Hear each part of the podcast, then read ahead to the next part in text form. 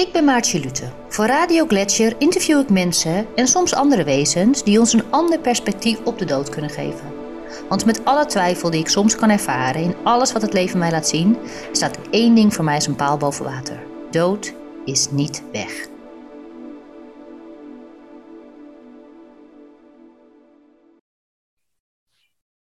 Ik zit vandaag met Annette Brouwer. En Annette Brouwer heeft een boek geschreven waar wij het vandaag over gaan hebben. Uh, het boek heet Een gift uit Avalon over contact met overleden dierbaren. Het ligt hier naast me en het is best wel dik. Een hele mooie cover ook. Ik denk dat dat uh, iets te maken heeft met de titel, maar dat ga ik zo ook nog aan haar vragen. Uh, ja, laten we gewoon beginnen. Hi Annette. Hi Maartje. Hi, hallo. Ja. Wat leuk dat wij het over jouw boek gaan hebben. Nou, vind ik ook erg leuk. Dank je wel voor de uitnodiging. Ja, want ehm, jij hebt eigenlijk, jij had volgens mij een mailtje gestuurd naar Radio Gletscher. Ja, klopt, klopt. En ehm, nou ja, met eigenlijk een soort persbericht van je boek. Van ik heb een boek geschreven en ik denk dat dat mooi past in jullie eh, programma. En zij hebben dat aan mij doorgestuurd, omdat ik ehm, programma's maak zeg maar over de dood. En dit heeft natuurlijk een hele erge link met de dood, jouw boek. Want, um, nou eerst maar even de titel, Een gift uit Avalon. Waarom, uh, wat, wat, wat betekent dat voor jou? Ja. ja nou ik moet heel eerlijk zeggen dat uh, mijn uitgever uh, als eerste met het woord Avalon is gekomen. Want we waren samen heel erg aan het puzzelen van welke titel geeft nou de essentie van het boek weer. Hè? Het contact met overleden dierbaren.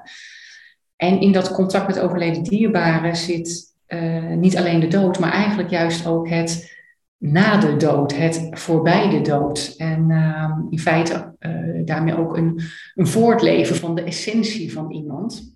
Dus we waren eigenlijk beide aan het puzzelen van welke titel zou daar nou in essentie bij kunnen passen. En hij kwam met uh, Avalon, en daar hebben we dus nog een paar woorden uh, aan toegevoegd, namelijk een gift uit Avalon. En Avalon komt uit een uh, Brits-Keltische sage, waarin koning Arthur een hele belangrijke rol speelt. En op het moment dat koning Arthur sneuvelt bij een veldslag, gaat hij naar het eiland Avalon. En dat eiland is normaliter in uh, nevelen gehuld. Het is een uh, eiland wat uh, zich in het westen bevindt, dus waar de zon ondergaat. En het is het eiland waar, zo zegt die sage, waar de, de zielen van de overledenen naartoe gaan als hun aardse leven geleefd is. En vanuit dat Avalon, waar normaal gesproken dus nevelen omheen gehuld zijn. Vanuit het Avalon kan het initiatief uitgaan om af en toe die nevelen uh, wat opzij uh, ja, te duwen, zodat er een verbinding kan zijn of een zicht kan zijn uh, van het aardse op het, het eiland waar de zielen aan het uitrusten zijn van hun geleefde leven.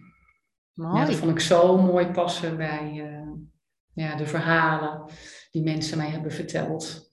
Dat Ja. ze op bepaalde momenten eventjes eh, een glimp mochten opvangen van dat Avalon, dat eiland waar de zielen zijn. En dat ze even de, de verbinding mochten voelen en eh, contact hadden. Ja. Mooi, want dat is waar je boek over gaat, hè? Over ook, ook contact met overleden dierbaren. Ja. Eh, jij interviewt in je boek, eh, zoals je het zelf noemt, gewone mensen. Ik ben dan ook heel benieuwd wat ongewone mensen zijn, maar jij hebt alleen maar gewone mensen in je boek. Die, ehm, die dus een teken hebben ontvangen of contact hebben met een overleden dierbare. Dat is, dat is eigenlijk de essentie van het boek. ja, En, ehm, maar heb jij, hoe ben je erbij gekomen om dit boek te gaan schrijven? Ja. Ja, en zal ik dan ook nog even reageren op wat je zei over eh, gewone mensen? Ja. Wat zijn dan eh, ongewone mensen? Ja, zal ik dat even eerst Doe eh, dat. vertellen hoe ik erbij bij ben gekomen? Want ik snap wel dat het een, eh, een vraag oproept. Ehm, nou weet je, meestal als het gaat over het hebben van contact met een, een overledene, dan associëren wij dat met eh, mediums. dus mensen die beroepsmatig contact kunnen leggen met, uh, met gene zijde. En waar je dan naartoe kunt gaan en je vragen kunt stellen. En die andere persoon als medium uh, maakt dan dat contact en uh, tolkt als het ware wat de overledene aan de nabestaanden wil vertellen. Um, dus in die zin zijn we zeg maar, als maatschappij daar wel bekend mee dat het kan, maar associëren we dat heel vaak met dus dat beroep medium. En wat ik nou zo interessant vond, was om nou juist niet uh, de mediums aan het woord te laten, maar ja, ik heb het dan gewone mensen genoemd. Uh, gewone mensen zoals jij en ik, uh, die eigenlijk in het dagelijks leven eh, verrast werden door een onverwacht teken, een onverwacht bezoekje die dat niet hadden opgeroepen, die er niet voor waren gaan zitten, die het niet hadden afgedrongen, uh, die het soms ook helemaal niet verwacht hadden, in, omdat ze dachten van na de dood is er niks meer. Uh, dus ja, gewone mensen zoals jij en ik, uh, met een gewone baan, in een gewoon huis. En ja, dan zomaar ineens een onverwacht teken of bezoekje krijgen van de overledene. Ja. Dus dat bedoelde ik met, uh, uh, met gewoon. Dus het zijn eigenlijk ook mensen, de, uiteindelijk degene die ik heb geïnterviewd, uh, van hele diverse pluimage, mannen, vrouwen, nuchter, wat spiritueler. mensen die een technisch beroep hadden, bijvoorbeeld in de hydrauliek zaten of in de mechanisatie, maar ook mensen die in de zorg of in de dienstverlening zaten. Uh, ook mensen die hier in het onderwijs zaten of sportdocent. Dus dat al als heel divers. Uh, en ook een enorme diversiteit als het gaat om. Uh, gelooft je op voorhand in een leven na de dood? Ja, dan nee. Ehm, eh, en of mensen al dan niet religieus waren of zeg maar praktiserend religieus of iets met spirituele deden. Dus in die zin zou je kunnen zeggen van alles en nog wat. Ja. Ja. Maar in ieder geval dus geen medium uh, die dat ja. beroepsmatig uh, al wel gewend is. Dat ja, zoals we uh, wel eens noemen mensen die een gave hebben. Ik geloof dat wij allemaal die gave hebben, maar dat wordt dan nog wel eens zo gezien. En um, ik ben ook zo benieuwd hoe je dan aan die mensen bent gekomen. Maar eerst, hoe is het gegaan? Want er is op een gegeven moment een idee in jouw hoofd ontstaan over een boek en misschien daarvoor al andere ideeën. Maar hoe is dat? Hoe, kan je me meenemen in hoe dit is gegaan? Waar is het begonnen? Waar is het ontsproten? Ja, ja mooie vraag. Waar het uh, ontsproten is, um, eigenlijk in hele, ja, moet zeggen, in, praktische zin, of dat het echt heel erg op mijn netvlies kwam. Van ja, hier wil ik een boek over schrijven. Dat was. Uh, twee jaar geleden. Het was zo'n beetje ja, januari, februari van 2020. Dus eigenlijk net nog voordat corona begon en de allereerste lockdown uh, kwam. En in die maanden uh, had ik vaker het idee, ik ga een boek schrijven. In het begin nog niet wetende waarover. En toen werd het eigenlijk steeds duidelijker dat ik nou een boek wilde gaan schrijven over het ervaren van contact met overleden dierbaren. Alleen in die maanden was ik zo ontzettend druk met mijn werk. Uh, ik heb een praktijk in uh, coaching en healing. En ik had op dat moment ook nog een adviesopdracht daarnaast als mantelzorgcoach. En ik zat zo vol met werk dat ik dus wel met regelmaat in die maanden dat idee had. Maar ik had er gewoon helemaal geen ruimte voor. En vervolgens eind februari, begin maart komt uh, corona in ons land. En ik moest gewoon per direct mijn uh, praktijk sluiten, omdat dat een contactberoep was. Dus ja, van de een op de andere dag had ik ineens geen werk en zat ik thuis. En de eerste week heb ik eigenlijk heel erg genoten van het helemaal niks doen. En toen ineens merkte ik, ja, maar nu heb ik dus gewoon alle ruimte om dit boek te gaan schrijven. En als ik het nu niet doe, dan, ja, wanneer dan wel? En toen heb ik de stoute schoenen aangetrokken en ben ik uh, mensen gaan benaderen die ik vanuit mijn praktijk al kende, die mij uh, wel eens hadden verteld over het hebben ervaren van een, uh, ja, een teken of een bezoekje. Um, en die ben ik gewoon maar eens gaan vragen, zou je willen meewerken aan mijn boek? En ehm, ik ken je verhaal al wel, maar je hebt het toen aan mij verteld in het kader van de healing. Maar nu zou ik graag nog een keer je verhaal willen horen en wat aanvullende vragen willen stellen, omdat ik het in een boek wil gaan uh, gieten. En zou je willen meewerken? En iedereen die zei meteen heel spontaan, ja, dat wil ik.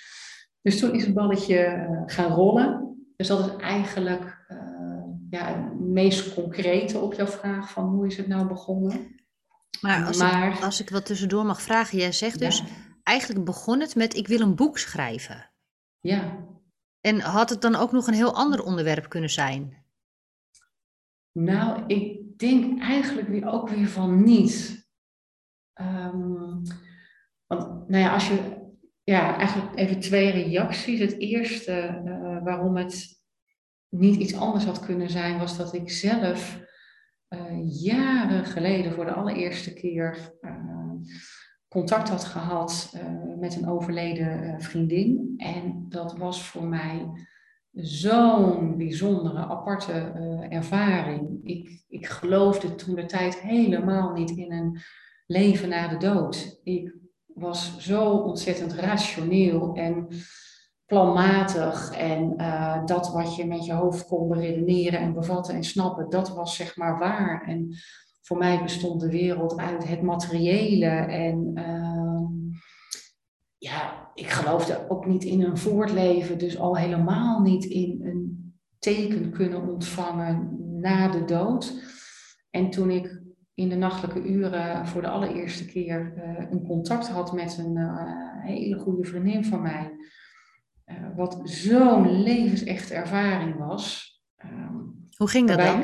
Hoe ging dat? Ja, ik, ik zou haast willen zeggen, ik droomde. Maar bij dromen denken mensen al heel snel van, ja, wat heb je gefantaseerd? Hè? Dat, uh, ja, bij dromen hebben we natuurlijk vaak dat we dingen ja, op, uh, of gebeurtenissen van de dag op een rare manier aan elkaar koppelen. En er zit een enorme saus van fantasie doorheen. En dit was dus wel in de nachtelijke uren waardoor ik zou zeggen, ja, het was een droom, maar het was zo levensecht. Ik, um, ik zag haar uh, voor mij, uh, zoals ik haar in levende lijven uh, eigenlijk de laatste tijd had gezien. We tennisten namelijk heel vaak samen, dus ik zag haar op de tennisbaan. Uh, ze was net, uh, althans we waren in de kleedkamer, we waren ons alle twee aan het omkleden, omdat we samen zouden gaan tennissen. En eigenlijk zoals altijd kletsen we de oren van elkaars kop.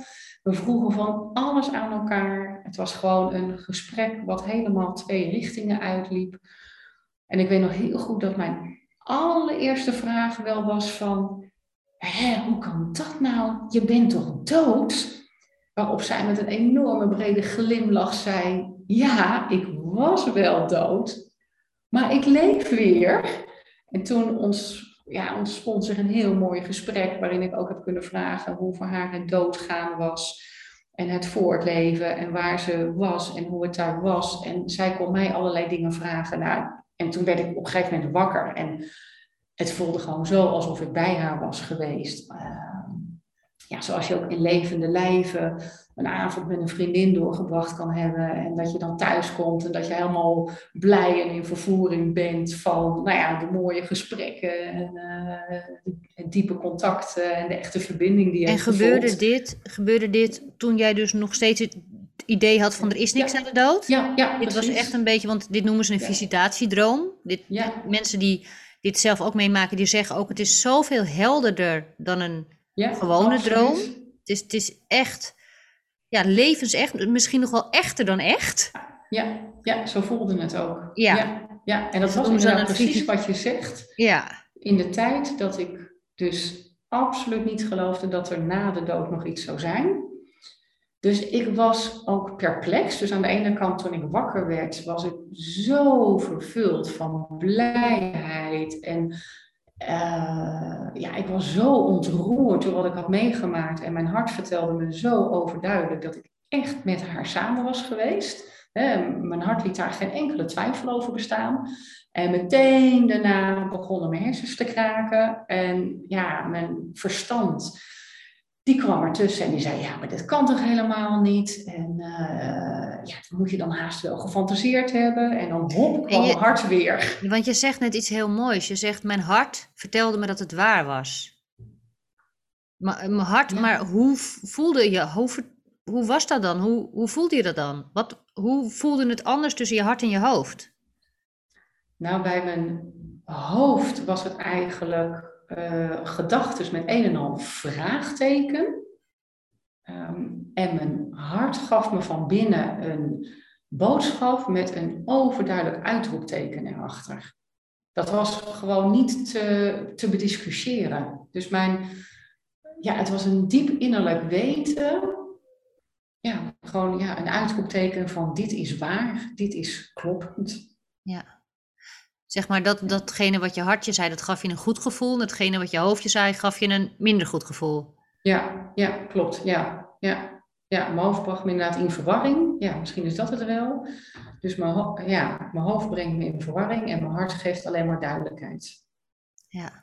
Ja, Dus toen had je dat ervaren en toen dacht je ineens, jeetje, wat was dit nou? ja, ja precies. Ja, dus ik, eh, ik kon het gewoon niet meteen plaatsen. En ik heb echt jarenlang erover gedaan om eh, zeg maar, die ervaring te integreren in een, ja, nou, toch een andere levensvisie die ik nu heb. En in de loop der jaren zijn er nog andere contactervaringen bijgekomen. Dus mijn moeder is in de loop der jaren overleden. Die heb ik ook in de nachtelijke uren mogen ontmoeten. Eh, mijn neef is overleden, mijn vader is overleden. En allemaal hebben ze op hun eigen wijze tekens gegeven. eh, soms in de nachtelijke uren, soms met voorwerpen. eh, soms iets met ehm, dieren of met weersverschijnselen. En nou, dat, eigenlijk die optelsom van ervaringen maakt het voor mij steeds ja, gewoner. Waarbij ik nog zeker wel van buitengewone betekenis was. Maar ik ja, vond het wel. Ja, ik raakte niet meer zo van padje af als het gebeurde. Ehm, en ondertussen was ik ook in mijn eigen praktijk voor coaching en healing, dus een handjevol cliënten tegengekomen die ook tekens hadden ervaren. En we hadden dat zo eens aan elkaar uitgewisseld. Nou, dat waren ook allemaal zulke mooie, unieke voorvallen. En elke keer weer zeiden wij dan zo tegen elkaar van, oh, wat is het toch prachtig om dit met elkaar te mogen delen. En uh, hoe liefdevol en troostrijk en steunend kan uh, zo'n teken van gene zijde uh, zijn. En ook elke keer weer zeiden we tegen elkaar van, ja, en het is toch ook wel jammer dat we het in de samenleving er eigenlijk bijna niet over hebben, omdat we als samenleving ook, ja, zeker in een materialistisch paradigma, heel erg veronderstellen dat er na de dood niks meer is, dat uh, de wereld alleen maar uit het materiële bestaat. Nou ja, ook de dingen zoals ik daar uh, vroeger over dacht. Uh, maar door dit soort belevingen um, gebeurde het niet alleen bij mij, maar dus ook die mensen in mijn praktijk die ik sprak, die gaandeweg toch wel hun levensblik zijn gaan verruimen en uh, hebben ontdekt dat er ook voorbij het materiële nog iets is. En ja, ik noem het dan de dimensie van het onstoffelijke, het, ja, het onzichtbare of het fijnstoffelijke of de dimensie het van fysieke geest. en het non-fysieke. Fysieke, ja. ja, ja, je hebt natuurlijk allerlei woorden voor. Uh, ja, en in de loop der jaren uh, ben ik dus ook anders gaan nadenken over wie zijn we nu als mens. Vroeger dacht ik, ja, ik besta uit een fysiek lichaam en hè, ik ben een mens van vlees en bloed en botten en spieren. Ben je ook? Ja, ben je, Ben je ook. ook. Maar ik dacht, ja, en dan op een gegeven moment heb je je laatste hartslag en laatste uitademing en dan gaat je lichaam terug naar de aarde en that's it. En ja, nu denk ik toch wel dat er in ons ook nog een geesteselement zit, een, een ziel, um, ja, of een levenskracht, of welk woord je er ook aan wil geven. Um, en dat uh, uh, voort mag leven in een andere dimensie. Dus dat het lichaam nog steeds aan de aarde wordt gegeven. Maar dat de ziel loskomt van het lichaam en in een andere dimensie vertoeft die gewoon om ons heen is, die, ja, waar je dus ook verbinding mee kan maken. Hè? Twee verschillende dimensies, maar waar wel contact tussen kan zijn. Maar daar zijn voor mij wel nou, toch wel een stuk of twaalf jaren overheen gegaan om van die hele materialistische mens- en wereldvisie te gaan naar wat ik uh, zojuist beschrijf. Ehm, dus ik denk dat het boek er ook alleen maar heeft kunnen komen doordat ik zelf dit soort ervaringen heb gehad. Hè, dat ik het eerst zelf heb mogen ja, zien en dan geloven, zeg ik wel eens.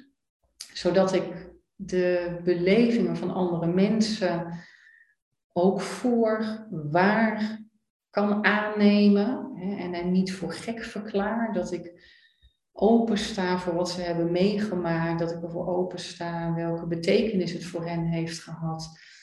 En dat ik het uh, ja, zo mooi vind hoe het het leven, het hart van mensen kan beroeren. Maar daarvoor was het dus denk ik wel nodig dat ik het eerst zelf heb Zeker, moeten ja. uh, ervaren. Ja. Want twaalf jaar geleden, als mensen mij dat hadden verteld, dan had ik het gewoon niet geloofd. Dus nee, want wat, zeker wat geen zou jij dan, wat, wat, dacht jij dan als mensen jou...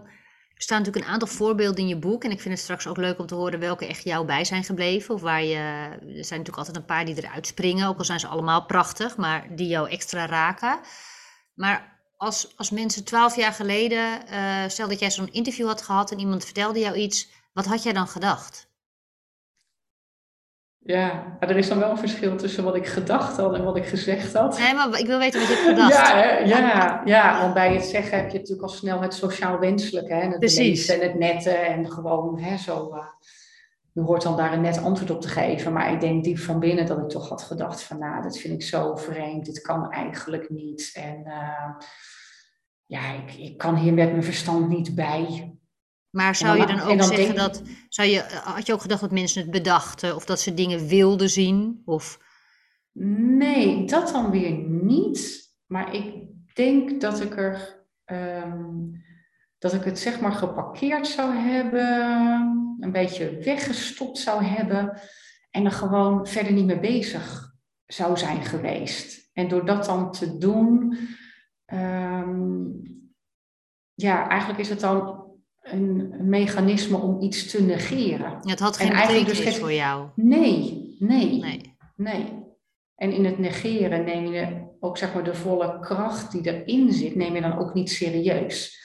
Maar ik zou absoluut toen de tijd niet gedacht hebben van nou, uh, mensen zijn aan het hallucineren of ze zijn schizofreen of dit nee, is de maar meer misschien, dat want dat vind ik ook wel, ook wel mooi om het zo over te hebben. Uh, wat ik ook, ik geef workshops aan ouders die een kind hebben verloren. En ik leer ze ook om, weet je, wat contact is en wat tekens zijn. En dat je om tekens kan vragen ook. Dat je dat echt mhm. bewust kan, kan doen. Uh, en heel vaak zeggen mensen zelf ook wel, die hebben een teken gehad. Maar die zeggen dan zelf, ja, maar ik, uh, misschien heb ik het bedacht. Of het was toeval. Er zijn heel veel dingen die mensen zichzelf vertellen. Terwijl ze het toch ervaren hebben als iets bijzonders. Want anders onthoud je het niet zo sterk. En dan toch daarna kunnen ze, maar misschien was het wel dit of misschien was het wel dat. En is, zijn dat ook, want mensen hebben toch een verhaal tegen jou verteld. Dat vonden ze belangrijk genoeg om te vertellen. Maar kwam er dan bij die mensen soms ook wel twijfel van misschien heb ik het bedacht of, of is het toeval geweest? Of hoe ging dat? Ja, ja, ook zeker bij de mensen die ik heb gesproken zaten er mensen tussen die uh, na zo'n teken ook echt wel hebben gedacht van heb ik, uh, heb ik het verzonnen? Uh, heb ik iets misschien ingewenst omdat ik in zo'n diepe rouw ben en zoek ik ergens gewoon veel te veel achter? Dat ja. Ja, um, en dat zijn dan ook weer vragen vanuit het hoofd. En um, ja, het merendeel van de mensen die, die ik mocht spreken, die hebben uiteindelijk in dat wikken en wegen van het, het hoofd, wat, uh, of eigenlijk je verstand, die uh, als criticaster dat soort vragen opwerpt. Hè, was het wel zo? Heb ik het goed gezien? Heb ik het niet in gewenst, et cetera? En het hart, wat, zoals ik zojuist zei, eigenlijk met een uitroepteken gewoon zegt van, oh, dit was zo mooi en zo fijn en dit was gewoon zo echt. Um, ja, zo hebben de mensen die ik heb gesproken uiteindelijk het hart Ehm, ja, de zwaarste stem in deze gegeven. Het hart laten spreken, ja. Ja, en ze zeiden dan ook van het, het advies wat ze eigenlijk aan mensen willen geven is als er iets gebeurt ehm, wat voor jou zo verbonden is met de overledene, waarvan je hart meteen zegt dat het waarachtig is en wat de boodschap is die erin besloten ligt en wie jou die boodschap geeft, uh, koester dat en luister naar je hart en je intuïtie en zet vooral je denken uit. Laat je denken los. Dat is eigenlijk het grootste advies uh, wat ze geven. En ik heb een paar mensen gesproken die wilden heel graag hun belevingen uh, met mij delen. En het aardige aan die verhalen vond ik dat zij ook die uh, spagaat hebben ervaren. Dat het hoofd het een zei en het hart het ander. En die zijn toch nog steeds op de dag van vandaag in die spagaat. Dus dat kan ook. Ja. Hè, dat ze Zeker. Uh, ja. en naar mij gewoon vol met ontroering en liefde over de tekens hebben gesproken. En tegelijkertijd ook uh, de criticus in zichzelf lieten horen. En, ehm, en dat eigenlijk ook wel oké vinden. Ja. Ja. Um, kan je wat um, voorbeelden geven uit het boek? Weet je wat mensen kunnen, of misschien verschillende soorten tekenen? Want je hebt natuurlijk op een heleboel verschillende manieren dat, dat, dat tekenen worden gegeven. Kan je een beetje een, uh, ja, kan je wat dingen vertellen? Ja, dat kan ik zeker. Um, nou, in mijn boek heb ik alle verhalen in uh, uiteindelijk uh, vier verschillende hoofdstukken ondergebracht. Um, en de eerste rubricering die ik heb aangebracht, dat zijn voor, ja, eigenlijk belevingen die ik telepathische communicatie heb genoemd. En dat zijn belevingen waarbij de overleden dierbare gezien is, gehoord is, gevoeld is, of waar men een geur rook die zo onlosmakelijk verbonden was met de overledene, dat ze ook meteen aan de overledene moesten denken. En het was dan een geur die echt helemaal buiten de context uh, was. Uh, zo was er bijvoorbeeld een mevrouw die um, haar vader was overleden en haar vader had zijn hele leven lang bij de brandweer gezeten. En als hij uh, vroeger thuis kwam uh, van een brand die hij uh, had geblust, dan hing er gewoon zo'n hele typische kenmerkende brandlucht om hem heen. En na zijn overlijden heeft ze echt meermaals gehad dat ze gewoon in haar huis was. En er was echt geen brand te bekennen. En dan ineens kwam die hele indringende, typerende geur. En dan dacht ze aan haar vader en dan in stilte zei ze hem gedag. Dan werd ze helemaal blij. En dan verdween die geur ook weer. Of dat iemands uh, aftershave uh, voorbij kwam. Terwijl er in geen velden of wegen een ander persoon zeg maar, uh, te zien was. Um, en dat die, ja, de nabestaande dat ook als een hele mooie ja, gedagzegging heeft ervaren. Um, ja, en er zitten dus ook voorbeelden bij dat de overledene gezien of gehoord is. En dan niet zeg maar met onze uh, ogen en oren zoals we uitwendig uh, waarnemen, hè, de, de materiële wereld waarnemen. Maar dan moet je echt denken aan ons inwendig oor. Dus dat je van binnen een stem hoort die andere mensen niet kunnen horen, maar die jij wel hoort. Of dat je met je innerlijk oog, je, geestesoog, een, een beeldenis ziet uh, van de overledene. En wat ik bij die beeldenissen zo mooi vond, is dat de overledene altijd werd gezien alsof hij in de kracht van zijn leven was. Dus ook al was de overledene uh, vlak voor zijn overlijden uh, ziek, ernstig vermagerd, misschien zittende in de rolstoel, dan liet de overledene zich nu in die beeldenis zien uh, als jonger, krachtiger, vitaal, altijd blij, uh, soms ook een, een, soort uitstraling van licht en liefde, volheid en sereniteit. En als iemand bijvoorbeeld in een rolstoel zat, dan liet hij zich in de beeldenis gewoon weer lopend zien zoals hij ja, ook een heel groot deel van zijn leven had gedaan. En bij de, overle of ja, de overledene horen, een, innerlijke stem horen, dan was het soms ook echt de stem waarvan de nabestaande zei, ja, zo klonk de dierbare. Maar het was ook wel eens wat ze noemden een gedachtenstroom. Maar dan was die gedachtenstroom wel zo typisch dat ze toch ook echt meteen met hun hart wisten, dit is de overledene. Ja. Uh, en zo is er bijvoorbeeld een, een man, vond ik een heel mooi verhaal, die uh, is op een gegeven moment op zijn uh, werk. En ehm, hij heeft jarenlang samen met zijn vader bij hetzelfde bedrijf gewerkt. En ehm, zijn vader die had zo'n uh, berg aan ervaring dat hij nou, eigenlijk elk technisch probleem kon oplossen. En zijn zoon die keek ook wel een beetje naar zijn vader op van, uh, ja, die, die fixte toch altijd maar weer. En toen is zijn vader overleden en nou, zijn zoon, dus de man die ik mocht spreken, die uh, werkte nog steeds bij dat bedrijf. En die had op een gegeven moment een technisch probleem waar hij gewoon niet uitkwam. En in stilte vroeg hij, pap, help me eens even. En ineens kwam er een gedachtenstroom op gang en kreeg hij allerlei uh, aanwijzingen, gewoon volgordelijk wat hij moest doen. Nou, en deze man die heeft dat gedaan en het was gewoon gefixt. En toen moest hij zo ontzettend gniffelen van, oh kijk eens, hè, bij leven kon mijn pap mij helpen. En nu heeft hij dat ook gedaan. En ja, er was eigenlijk maar één die hem advies kon geven. Dus dat vond ik dan een heel mooi voorbeeld uh, in de categorie van hè, het telepathisch communiceren, hè, dat ja. boodschap wordt overgebracht. Nou, dat is dus één hoofdstuk. Ja.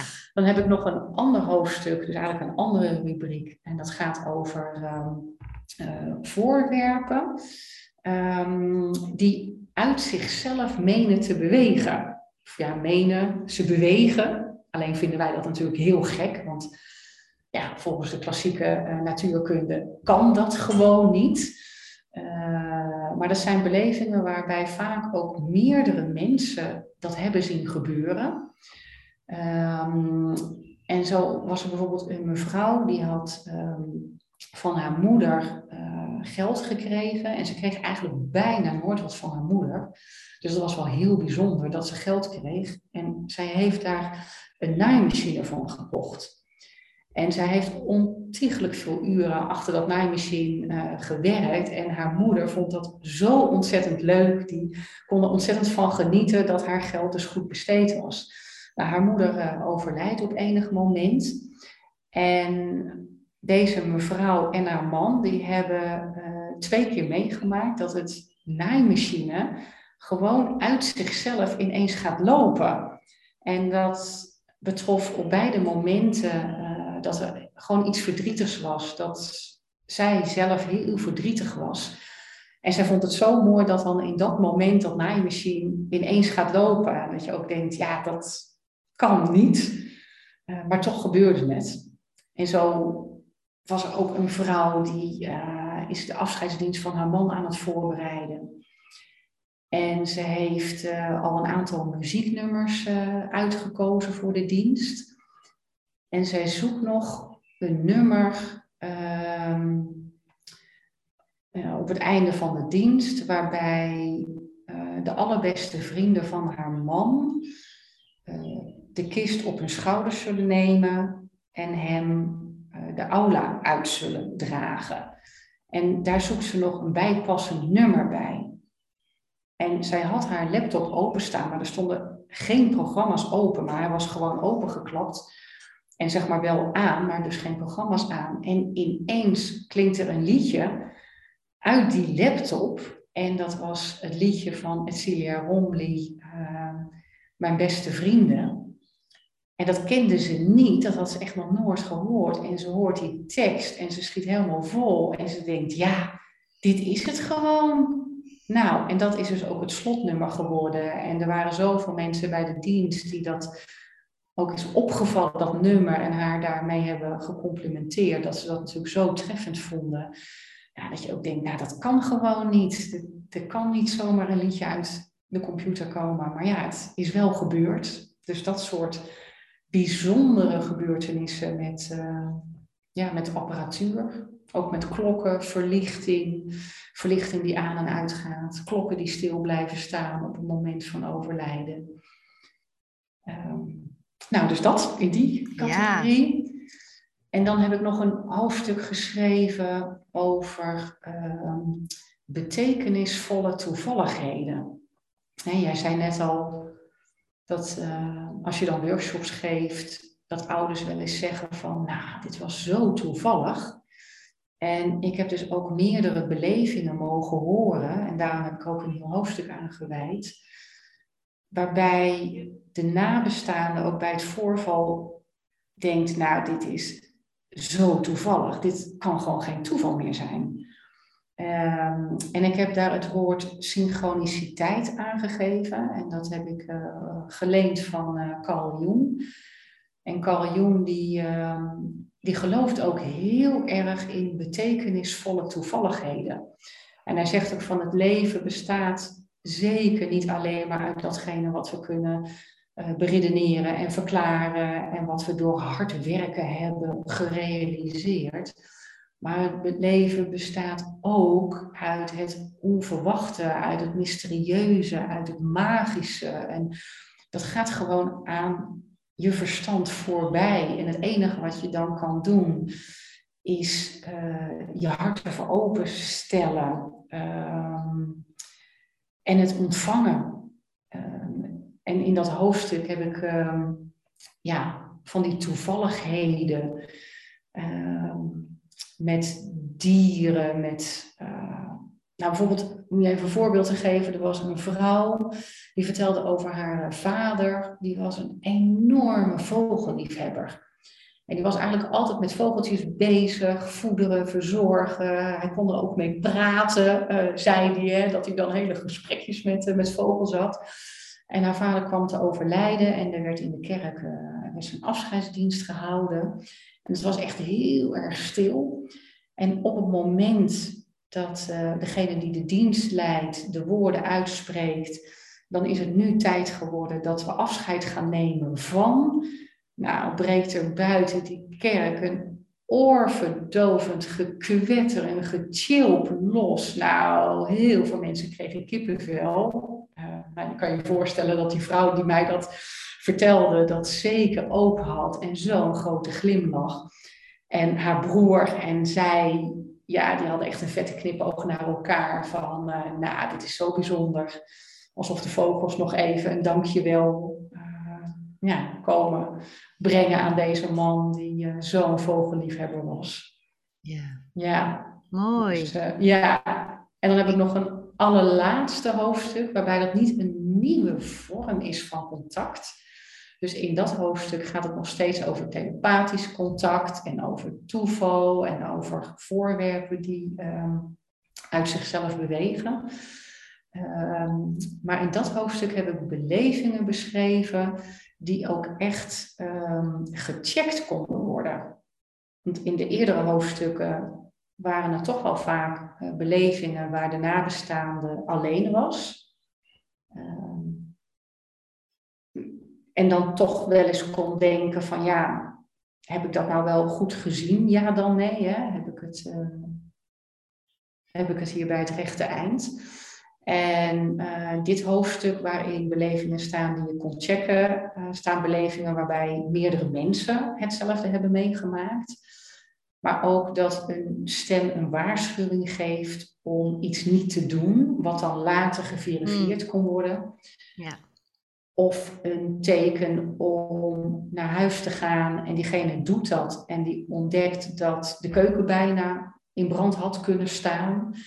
Uh, en ook uh, een, een opa die aan haar kleindochter, ja, niet zozeer vertelt, maar in een visualisatie een voorwerp laat zien wat hij in de visualisatie aan haar geeft. En zij kent dat voorwerp niet. En ze gaat een navraag doen in de familie. En de familie uh, heeft daar ook geen weet van. En dan niet veel later wordt gewoon in de boerderij waar die opa woonde, wat in de familie door is gegaan op een ander familielid, daar wordt dan ineens zomaar dat voorwerp gevonden. Echt precies in dezelfde kleur en grootte als dat zij het in de visualisatie heeft gezien. Ja, ja dat vond ik echt zulke mooie verhalen, wat het dan misschien nog net een tikkie ja, echter zou maken voor de mens die wat kritischer is ingesteld. Ja, ja wij willen natuurlijk graag bewijs. Ja, ja. Altijd. Ja, ja. Ja. Ja. Terwijl dit niet altijd bewezen kan worden. En... Ik heb. Um, ja. ik, nou, jij bent mijn boek aan het lezen ook, hè? Ja. Klopt. En um, ik denk niet dat je daar al bent, maar um, een van de eerste keren dat ik contact kreeg met mijn overleden zoontje, uh, die is overleden toen hij twee maanden was. En ik stond bij zijn bedje en hij was overleden. En uh, het was een dag voor de crematie, denk ik, of misschien de ochtend, ik weet het niet meer. En ik stond daar en ik uh, dacht ineens, uh, weet je wat ik doe? Want ik had gouden oorbelletjes in. Ik dacht, weet je wat ik doe? Dan leg ik mijn, doe ik die uit en dan leg ik die bij hem onder zijn mutsje. En als hij dan gecremeerd is en als hij dan en als ik dan over een paar maanden naar een medium toe ga, want ik vond het altijd wel interessant, en zij begint over die gouden oorbelletjes, dan heb ik bewijs dat, je, dat ze niet dood zijn. En op het moment dat ik dat dacht, kwam er een stem in mijn hoofd. Dat is wat jij met dat telepathische uh, bedoelde. Ik hoorde het niet met mijn oren, maar het was een stem. En die zei: Ja, maar waar wij, waar wij zijn, gaat het niet over bewijs. Waar wij zijn, gaat het over iets heel anders. Bewijzen zijn iets aards. En ook het woord aards gebruikte ik nooit. Nu wel, want ik vertel dit verhaal heel vaak. Maar toen gebruikte ik nooit het woord aards. Dus ik wist door dat woord dat het niet uit mijn eigen hoofd kwam. Ja. En het ging verder en ze zeiden, of nou ja, ik denk dus hij dus, Benja, hij zei, het is niet onze taak om jullie bewijzen te leveren. Wij hoeven niet te bewijzen dat wij er nog zijn. Want wij zijn er gewoon nog. En toen begreep ik ineens ook waarom wij niet alle lottogetallen kunnen vragen aan mensen die overleden zijn. Of kunnen vragen waar iemand is die uh, bijvoorbeeld vermoord is. Weet je, of wie dat dan heeft gedaan. Het, het is niet aan hen om ons uh, bewijzen te geven, waardoor wij makkelijk met ons ego-leven verder kunnen. Waar zij voor zijn, zijn ons, om ons te leren om de liefde en vertrouwen te geven. Ja. Daar is waar ze voor zijn. Maar wij willen wel graag die bewijzen. Ja, ja. ja, en ik denk dat we ook wel in onze samenleving, in onze westerse samenleving, um, ook echt wel decennia lang, zo niet eeuwenlang, um, ja, ook wel een beetje die kant zijn uitgeduwd. Hè? Dat het, um, het rationele uh, belangrijker is dan uh, je gevoel en je intuïtie en je hart. En uh, dat het inderdaad belangrijk is om iets te kunnen beredeneren en verklaren. terwijl iets ervaren van zo'n andere orde kan zijn. maar dat hebben we toch een beetje van ondergeschikt belang gemaakt. En ik zou het heel mooi vinden in deze tijd als er weer ja, een, een, een betere balans zou kunnen komen tussen het, het beredeneren um, en het ervaren. Tussen ons hoofd en ons hart. En tussen het materiële en het, het geestelijke, het onstoffelijke. En, um, Is dat ook iets wat je met je boek probeert heb je dan ook een bepaalde missie? Hoop je er iets mee te bereiken? Ja, ik, uh, ik heb over, ook aan alle geïnterviewden gevraagd waarom zij mee wilden werken aan het boek. En dan blijkt wel dat wij allemaal uh, dezelfde hoop hebben met dit boek. En wat wij uh, allemaal hopen is dat um, het taboe wat op dit fenomeen rust, het hebben van uh, contact met een overledene, dat dat taboe minder wordt. Dat de samenleving um, ja, er minder verlegen mee wordt. Dat er wat, hè, doordat er meer bekendheid uh, aan wordt gegeven, uh, er gewoon meer ruimte mag komen voor dit soort belevingen. Dat je erover mag vertellen. Dat je dan niet voor gek wordt verklaard. Maar gebeurt dat nog veel dan? Kijk, ik zit denk een beetje in een andere branche dan De meeste, want ik, weet je, mijn slogan is dood is niet weg. Dat is wat ik de hele dag doorroep. Ja. En ik, ik doe een mediumschapsopleiding. Ik heb contact met mijn overleden zoontje. Ik heb vandaag nog gechanneld met, met iemand. Dus ik zit daar helemaal in. En ik omring me met mensen die dat ook zo zien. Maar is dat, ervaar jij dat wel? Is dat taboe nog? Ja, ik ervaar dat nog wel, waarbij ik ook wel ervaar dat het minder wordt. En wat ik nou na uh, het uitkomen van uh, mijn boek zo bijzonder vind, is dat um, eigenlijk zoveel meer mensen een dergelijke beleving hebben dan wat wij van elkaar menen. Alleen we praten er niet over. Eh, dus als we elkaar zien, dan hebben we het wel over wat heb je in het weekend gedaan. En heb je binnenkort nog vakantieplannen? Of goh, hoe gaat het op je werk? Maar we vertellen blijkbaar niet zo makkelijk aan elkaar dat we uh, nou, wonderlijke, mysterieuze dingen hebben beleefd waar we door geraakt zijn. En ja, mijn idee is als je daar niet over vertelt, dan kan zeg maar, ook het beeld ontstaan dat het niet vaak voorkomt. En als je dan zelf zo'n beleving hebt, kun jij vervolgens weer denken, nou, ik ben een van de weinigen. En dat kan er weer toe leiden dat je dan denkt, nou, ik hou mijn mond maar, want als ik een van de weinigen ben, dan zullen mensen mij misschien gek vinden. Nou, dan zit je eigenlijk in een soort visuele cirkel hè, waar, uh, waar je niet zomaar uh, uitkomt. Nou, mijn boek is begin april uitgekomen en wat schetst mijn verbazing dat ik ineens ook gewoon uit mijn hele nabije uh, kring van vrienden, familie, schoonfamilie of oud-collega's ineens berichtjes krijg van goh, ik heb ook zo'n uh, beleving en oh, wat mooi dat er nou een boek over is verschenen. En uh, ineens heb ik heel veel gesprekken met mensen die ik dus al jarenlang ken. Ehm, maar waar we dus ja, waarbij we dus niet van elkaar wisten dat we ook op een ander vlak uh, door dingen uh, geraakt zijn. En dat leren we nu ineens wel van elkaar. Dus uh, vervolgens ontdek ik dus ook, op jouw vraag van is het nog taboe, dat er eigenlijk in stilte bij heel veel mensen helemaal geen taboe meer op rust. Ja. Alleen in stilte. Ja. Dus er zijn zoveel mensen die dit soort ervaringen hebben. En ik heb ook wel eens gelezen dat uit bepaalde onderzoeken die in het buitenland eh, zijn gedaan. Uh, er zelfs wordt ingeschat dat uh, eh, 40% van de nabestaanden dit soort belevingen heeft.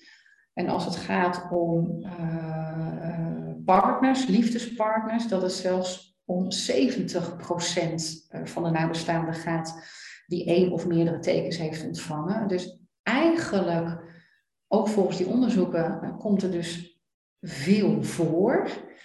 Uh, en het is van buitengewone betekenis van mensen. Alleen lijkt het wel of we dat dan voor onszelf houden en in stilte koesteren, waardoor zeg maar in het collectief het niet voor lijkt te komen en het een taboe uh, is of zou kunnen zijn. Maar zodra je erover gaat praten, ja. dan ontmoet je dus mensen bij wie het inderdaad helemaal geen taboe is. En uh, ja, voor wie het ook gaandeweg hun leven eigenlijk zo vanzelfsprekend is geworden dat er voorbij het materiële nog meer is. Ja. Of wat we zeggen, er is zoveel meer tussen hemel en aarde. Ja. En, uh, en dat, dat zeg je makkelijk, maar dat er ook mensen zijn die dat ook, moet zeggen, waarbij dat gevuld is met voorvallen. Ja. ja. ja. En je zegt net, er zijn onderzoeken naar gedaan dat er bij zoveel procent van de mensen dit gebeurt. Heb, jij hebt ook nog iets in je boek geschreven over die onderzoeken of over hoe het te verklaren is? Of het laatste gedeelte, toch? Ja, klopt inderdaad. Ja, ja. ja het uh, eerste deel van het boek, en dat is echt wel uh, de hoofdmoot, dat zijn alle belevingen. Um, en vervolgens heb ik um, uh, een tweede, een wat kleiner deel geschreven in datzelfde boek. En dat gaat over de betekenisgeving voor mensen. En tenslotte uh, heb ik uh, in een derde deel een, ja, een historische schouw uh, beschreven. Hoe eigenlijk in de loop der tijden door religies en filosofen en door de wetenschap en bewustzijnsonderzoeken naar dit fenomeen is gekeken. En in die context heb ik dan ook uh, verwijzing gedaan naar een aantal onderzoeken, waaruit dus ook deze percentages naar voren komen. Vind jij dat er veel meer onderzoek naar gedaan zou moeten worden?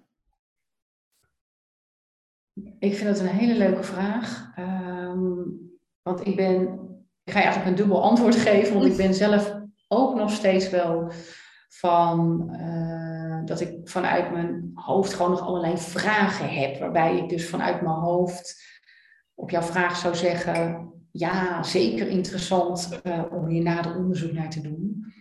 Uh, want bijvoorbeeld in mijn boek komen vragen naar voren van ja, waarom heb je nou uh, wel met de ene dierbare contact en met de andere dierbare niet? Of waarom uh, laat de ene overledene zich nou zien uh, of horen en de ander doet iets met voorwerpen? Of waarom heeft een nabestaande, vooral in de eerste week na het overlijden, het een na het andere teken en voelt hij de overledene zo om zich heen en eigenlijk in zijn systeem. En waarom verdwijnt dat na verloop van tijd? En hoe vaak is dat dan? Hè? Nou, dat, dat zijn allemaal hoofdvragen, hè? verstandsvragen. En dat is een stukje wat ook in mij zit. Dus dat stukje in mij zegt, uh, ja, interessant vervolgonderzoek. En het andere stuk in mij, dat is het intuïtieve en het hartstuk. En dat zegt, het hoeft voor mij eigenlijk niet verder onderzocht en verklaard te worden. En laat het gewoon voor zichzelf spreken. En als je iets moois ervaart, luister dan naar je hart. En uh, wat ik net al zei, dat vertelt je wel dat het waarachtig is en wat je ermee kunt. En laat je dan verwarmen door de onvoorwaardelijke liefde die erin spreekt. En laat het je troosten. En hoe dat allemaal kan, zet dat gewoon aan de kant. Dat hoef je allemaal niet uh, ja. te weten. Ik ben er ook heel erg benieuwd naar hoe dat allemaal kan. Ik, ik, heb ook wel een aantal antwoorden op vragen die jij net stelde.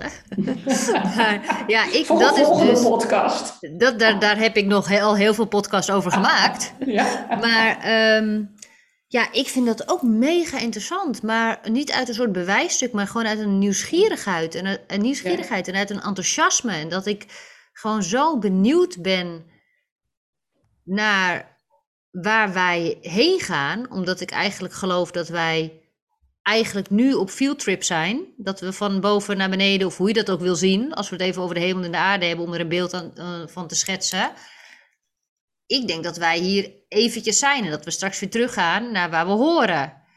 En dat, dat, daar, dat het daar echt gebeurt. Dit, ze noemen dit ook wel eens de fysieke droom. Gaat misschien nog verder. Maar dus, dus ik, ik, ja, ik wil er zoveel mogelijk van afweten. Ook om beter te begrijpen waarom ik hier ben. Ja, ja. ja het mooie vind ik dat je net ook, uh, hoe je begon, dat je zei van dat nadere onderzoek, dat zou dat niet moeten gaan over bewijsvoering. Nee. Want daar sluit ik me helemaal bij aan. Ik denk dat er ondertussen al zoveel data zijn. Dat ik denk, ja, daar kan je nog honderd uh, aanvullende onderzoeken uh, naast zetten. Uh, maar dat zal volgens mij in die zin statistisch gezien niet op nieuwe inzichten gaan leiden. Dus in die zin hoeft het inderdaad ook voor mij niet onderzocht te worden ter bewijsvoering. Maar dan inderdaad wel, zoals jij zegt vanuit een soort nieuwsgierigheid ja, en verdere ja, kleuring. Ja, en misschien ook omdat toch is nu de tendens, toch weet je, dood is weg. Dat is het einde. Dat, en als er wel onderzoek naar gedaan gaat worden, dat het misschien ook meer dat opent. Weet je, dat het perspectief, ik probeer mensen heel erg een ander perspectief op de dood te geven dan wat er nu leeft. En het kan sommige mensen ook helpen met hun mind om zich ergens aan vast te houden van zie je wel, dat het is wel zo. En dat opent misschien je hart dan weer meer om het ook te gaan voelen en ervaren. Ja. Ja, ja. Ja, want dat is ook wel wat uh, de geïnterviewden in mijn boek zeggen. En ook nog een aantal, wat ik dan noem, ervaringsdeskundigen, die ook dit soort ervaringen uh, hebben. En die daar ook alle boeken over hebben geschreven. Um, dat een van de uh, voorwaarden wel is dat je je ervoor openstelt. Dat je ja uh, open staat voor de mogelijkheid dat er uh, ja, voorbij die horizon uh, nog iets zou kunnen zijn. En dat je ervoor open staat dat er misschien wel een teken kan komen. En als er dan iets heel bijzonders gebeurt, dat je er dan vanuit je hart voor open durft te staan, dat dat misschien wel van gele zijde kan zijn. En dat daar een betekenis in zou kunnen zitten. Ja, het is in plaats van eerst zien en dan geloven, is het eerst geloven en dan ga je het zien. Ja, ja, klopt. Ja, ja. ja. En uh, wat, wat heeft het jou gebracht, uh, dit boek te schrijven? Wat heeft het jou gebracht?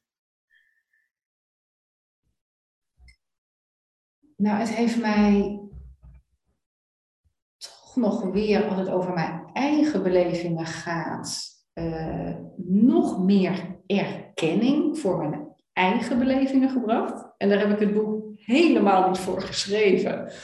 Maar ik ontdekte wel door al die gesprekken en die vervolgens in het boek uh, verwoorden en daar mijn gedachten over laten gaan, dat ik eigenlijk ook, ja, uh, ook weer mijn eigen belevingen, uh, die kwamen weer opnieuw naar boven en die kon ik daardoor nog meer voor mezelf erkennen. Dat vond ik gewoon heel fijn. En wat het mij gaandeweg het schrijven heeft gebracht, is dat ik nog verder ben opgeschoven in de uh, balans waar ik het net over had. Dat ik nog wat meer van het rationele naar het intuïtieve ben opgeschoven. En van het beredeneren, het verklaren naar het gewoon ervaren. En dat ik van het, het plannen en iets willen regelen en vanuit mijn hoofd willen controleren, nog meer ben opgeschoven naar laat het gewoon maar los en heb maar vertrouwen ehm, in het universum, uh, in dat je gesteund wordt, ook vanuit die andere dimensie. Ehm, en dat ik ehm, ja, ook zeg maar, in de verbinding met het, het geestelijke ook vaker daar hulp ben gaan zoeken. dus waar ik vroeger dacht van ik moet het zelf doen vanuit mijn hoofd. Ehm, en al die belevingen die ik heb mogen optekenen, allemaal iets in zich hadden van dat het hiernaastmaals, noem ik het wel eens, zo uh, ja, liefdevol naar ons is en ons zo wil helpen en steunen, dat je dat natuurlijk ook actief kan aanroepen. Uh, niet actief in de zin van ik wil nu dat er een dubbele regenboog komt, of ik wil uh, nu dat er een vlinder uh, iets bijzonders doet. Maar je kan natuurlijk wel bij een vraag hulp roepen, zoals die man op zijn werk deed met een technisch ja. probleem. En ik heb ook een vrouw mogen spreken, die, die was ergens de weg finaal kwijt. En uh, die vroeg hulp en het werd haar gegeven. En nog meer van dat soort voorbeelden in mijn boek. Dus gaandeweg het schrijven dacht ik, ja, maar dan kan ik dat natuurlijk in mijn leven ook doen. Dus als ik nu iets uh, wil gaan oppakken, dan vraag ik eigenlijk als allereerste uh, hulp aan het onstoffelijke. En dan geef ik me daaraan over. En dan vanuit vertrouwen dat die hulp wel in wat voor vorm dan ook zal komen. En als het dan niet nu is, dan wel morgen of over een week. En uh, dat ik het niet alleen hoef te doen. Mooi. Ja. Mooi. En ben jij uh, bang voor de dood? Nee, helemaal niet. Nee, nee, nee. Nee. En Was mensen... je dat wel? Nou, ik was er niet bang voor. Uh, ik was ook niet bang voor, zeg maar, uh, dat het sterven aan zich, het lichamelijke sterven, dat dat pijnlijk of zo zou zijn. Dus die angst had ik niet. Maar ik dacht dus wel, daarna is er niks meer. En heel eerlijk gezegd vond ik dat ook wel een beetje een naargeestige gedachte. Toch ook wel van, ja, een soort van, is dit dan alles? Dan, ja, dan is je leven voorbij en ja, waarom dan eigenlijk? Hè? Um, en ik heb mensen mogen uh, interviewen die wel echt bang waren voor de dood, gewoon voor dat proces en het overgaan. En die mensen zeiden allemaal dat ze door deze belevingen geen angst meer voor de dood hebben. En dat het hen zo'n uh, geruststelling uh, ja, heeft geboden, nog steeds biedt, uh, dat het daarna niet ophoudt. Dus dat het weliswaar in een andere dimensie voortgaat. Hè? Want ja, degene die uh, in het hiernamaals is, die heeft uiteraard geen fysiek lichaam meer. Hè? Dus bepaalde dingen kun je natuurlijk niet meer samen doen. Hè? Dat verandert wel. Dus dat heeft natuurlijk ook een verdrietig element aan de dood. Uh, maar toch desondanks zeiden ze allemaal van ik ben niet meer bang om te sterven. Ik ben niet bang voor de dood. er is eigenlijk sprake van een continuum, van een voortleven, van een zielsverhuizing. Nou, welke woorden je er nog meer aan zou willen geven. Ja, dus ook bij hen geen angst meer voor de dood. Ja.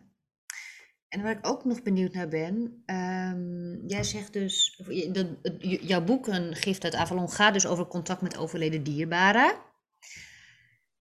Ik geloof ook dat wij een heel team van gidsen hebben en beschermengelen. En wat je nog meer aan lichtwezens uh, kan hebben. Zijn, heb je ook mensen gesproken die zeiden: ik, ik heb contact gehad met iets, maar ik weet niet wat het was? Of het was niet iemand die ik herkende? Contact met gidsen, geloof je daarin? Of, is het, of gaat dat voor jou, is dat weer een, een stap te ver? Nee, ik geloof, nee, voor mij gaat dat zeker geen stap te ver. Um, nee, in mijn praktijk voor coaching en healing uh, werk ik ook met mijn gids. Dus toen ik jaren geleden een healingopleiding heb gedaan, uh, eerlijk gezegd uh, had ik toen nog nooit van gidsen gehoord. En... Mag ik heel even vragen, heb je die healingopleiding gedaan pas na die ervaring die je had met die overleden vriendin in die droom? Ja, ja, ja, okay. ja, ja. ja, ja, ja, klopt. Ja, ja, ja. ja, het is wel een goede vraag, want uh, dat is echt wel een begin geweest van een, een zoektocht van wat is er nog meer uh, ja, naast het materiële. En zo een soort ontwaken. ja, een soort ontwaken, ja. En toen ergens in de tijd uh, ben ik een healingopleiding gaan doen. Uh, nou ja, wat ik net al zei, gidsen, daar, daar had ik nog nooit van gehoord. Uh, dus het was niet zozeer van ik geloof daar niet in, maar ik, ja, ik, ik kende dat niet. En tijdens die healingopleiding ben ik daar vertrouwd mee geraakt. En heb ik ook contact gemaakt met mijn gids. En vanaf dat moment heb ik hem ook altijd bij mijn healings uh, gebruikt. Uh, dus in die zin is dat zeker voor mij geen brug te ver. Uh, ik heb ook nog een aantal andere, wat ik dan noem spirit helpers. Die, die betrek ik ook bij mijn healing. En die vraag ik ook om ja, met mij of voor mij de healing te doen. Alleen de, op jouw vraag of de mensen die ik heb geïnterviewd mij ook daar iets over verteld hebben daarop moet ik toch een ontkennend antwoord geven. Maar dat komt misschien ook wel omdat ik in dat gesprek vooral uh, ja, meer te weten wilde komen over hun ja, contactervaringen uh, met, de overledenen. Dus, ja. ja, dus het zou ook kunnen zijn dat als daar dan het gesprek over gaat, je natuurlijk ook de antwoorden uh, ja, in die zin die ja, nou ja, niet stuurt hè, op inhoud, maar uh, misschien dat mensen ook wel dachten van ja, ik heb ook nog wel andere ervaringen, maar daar gaat het nu niet over. Hè? Dit gaat gewoon heel erg over herkenning van tekenen en daar meteen iemand bij in gedachten hebben, of in je hart, of hoe je dat ook zegt, van wie dat dan zou komen. Iemand die zij kennen. Ja, precies. En heb je ook mensen gesproken die het eng vonden, die er bang voor waren? Een enkeling was bang van het uh, onverwachte karakter. Dat ze echt dacht van, huh, wat overkomt me nou toch weer? Um, maar niet op inhoud. dus de, uh, als de overledene een, een, een, boodschap had, als er een, uh, ja, gedachtenstroom op gang kwam, of wat iemand zeg maar, in de visualisatie uitstraalde, dan was dat op inhoud altijd gewoon fijn en troostend en helpend. Um, dus daarin zat hem geen angst. En dat zeggen eigenlijk ook de nabestaanden uh, als tip aan de lezer: van, uh, wees er niet bang voor. Hè, open je hart en koester het en wees er vooral niet bang voor. Want als er angst uh, tussenkomt, dan kan ook vloep ehm, het contact verbroken worden. En nou, dan mis je toch iets heel moois, zeggen ze. Maar het kan dus wel zo zijn, vertelde een enkeling, dat je toch wel even kan schrikken van het onverwachte karakter. Ja.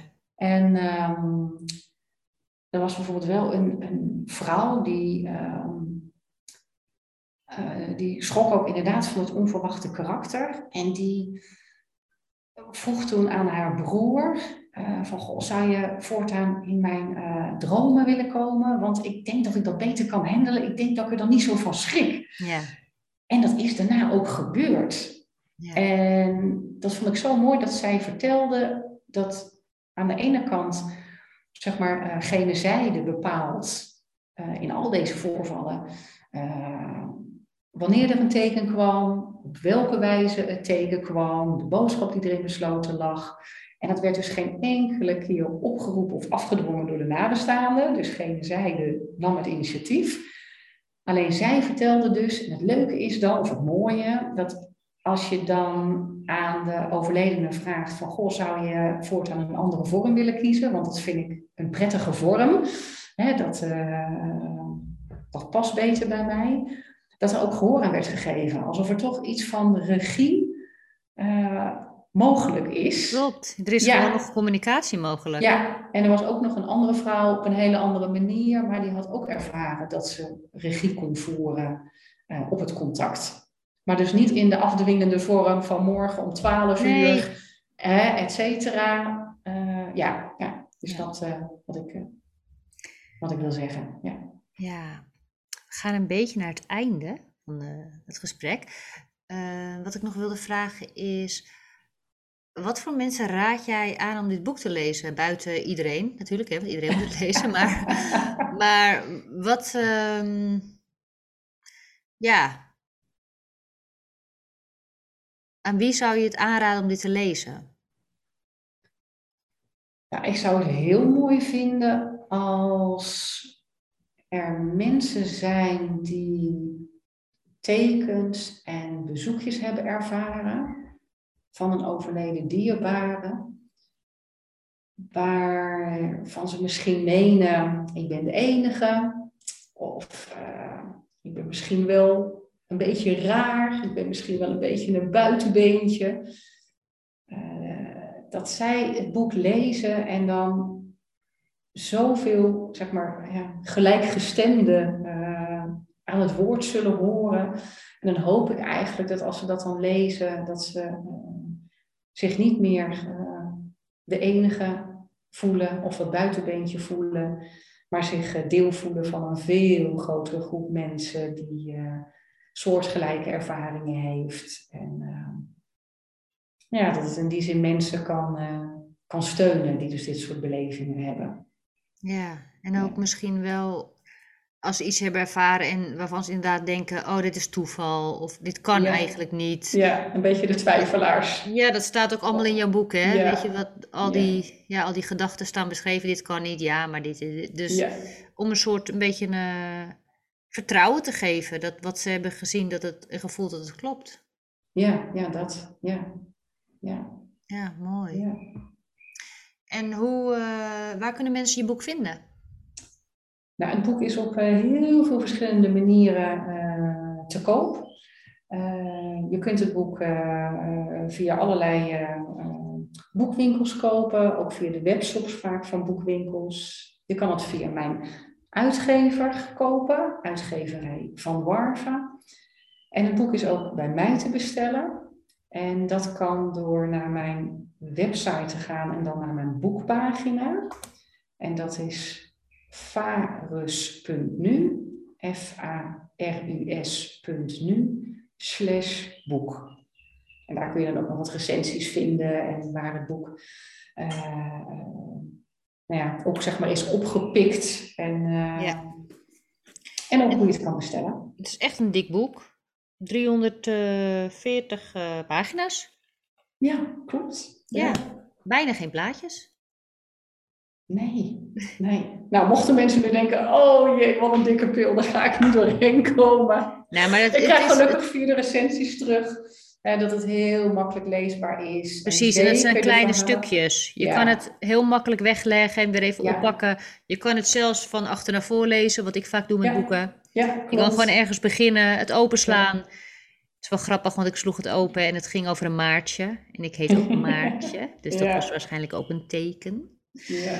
Ja, Ja, nee, dat is leuk, want meerdere mensen noemen het inderdaad ook een weglegboek. Ja, Dat je inderdaad gewoon, als je eventjes de tijd hebt, gewoon een paar verhalen en dan leg je het weer weg. En, nou, of je gaat wat anders doen, of je laat het gewoon nog eens even in je werken. Dus eh, mensen hoeven niet te schrikken bij eh, het getal 340. nee, maar ik vond het eigenlijk juist een, ik vond het Ja. juist een voordeel. Ik denk lekker, Oké. 340 pagina's, ja. Ja, ja.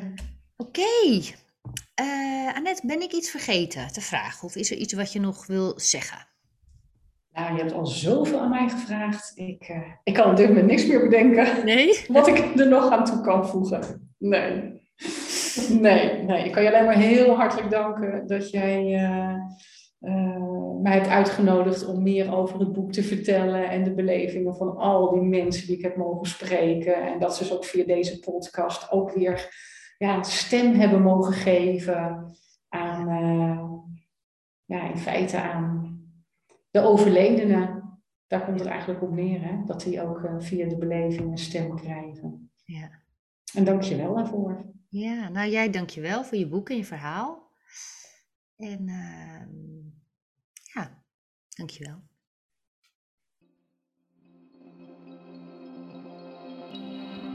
Ben je benieuwd naar wat ik nog meer doe? Ga dan naar mijn website www.maartjelute.com. Daar vind je mijn boek, Ben Present, en meer informatie over de sessies die ik aanbied.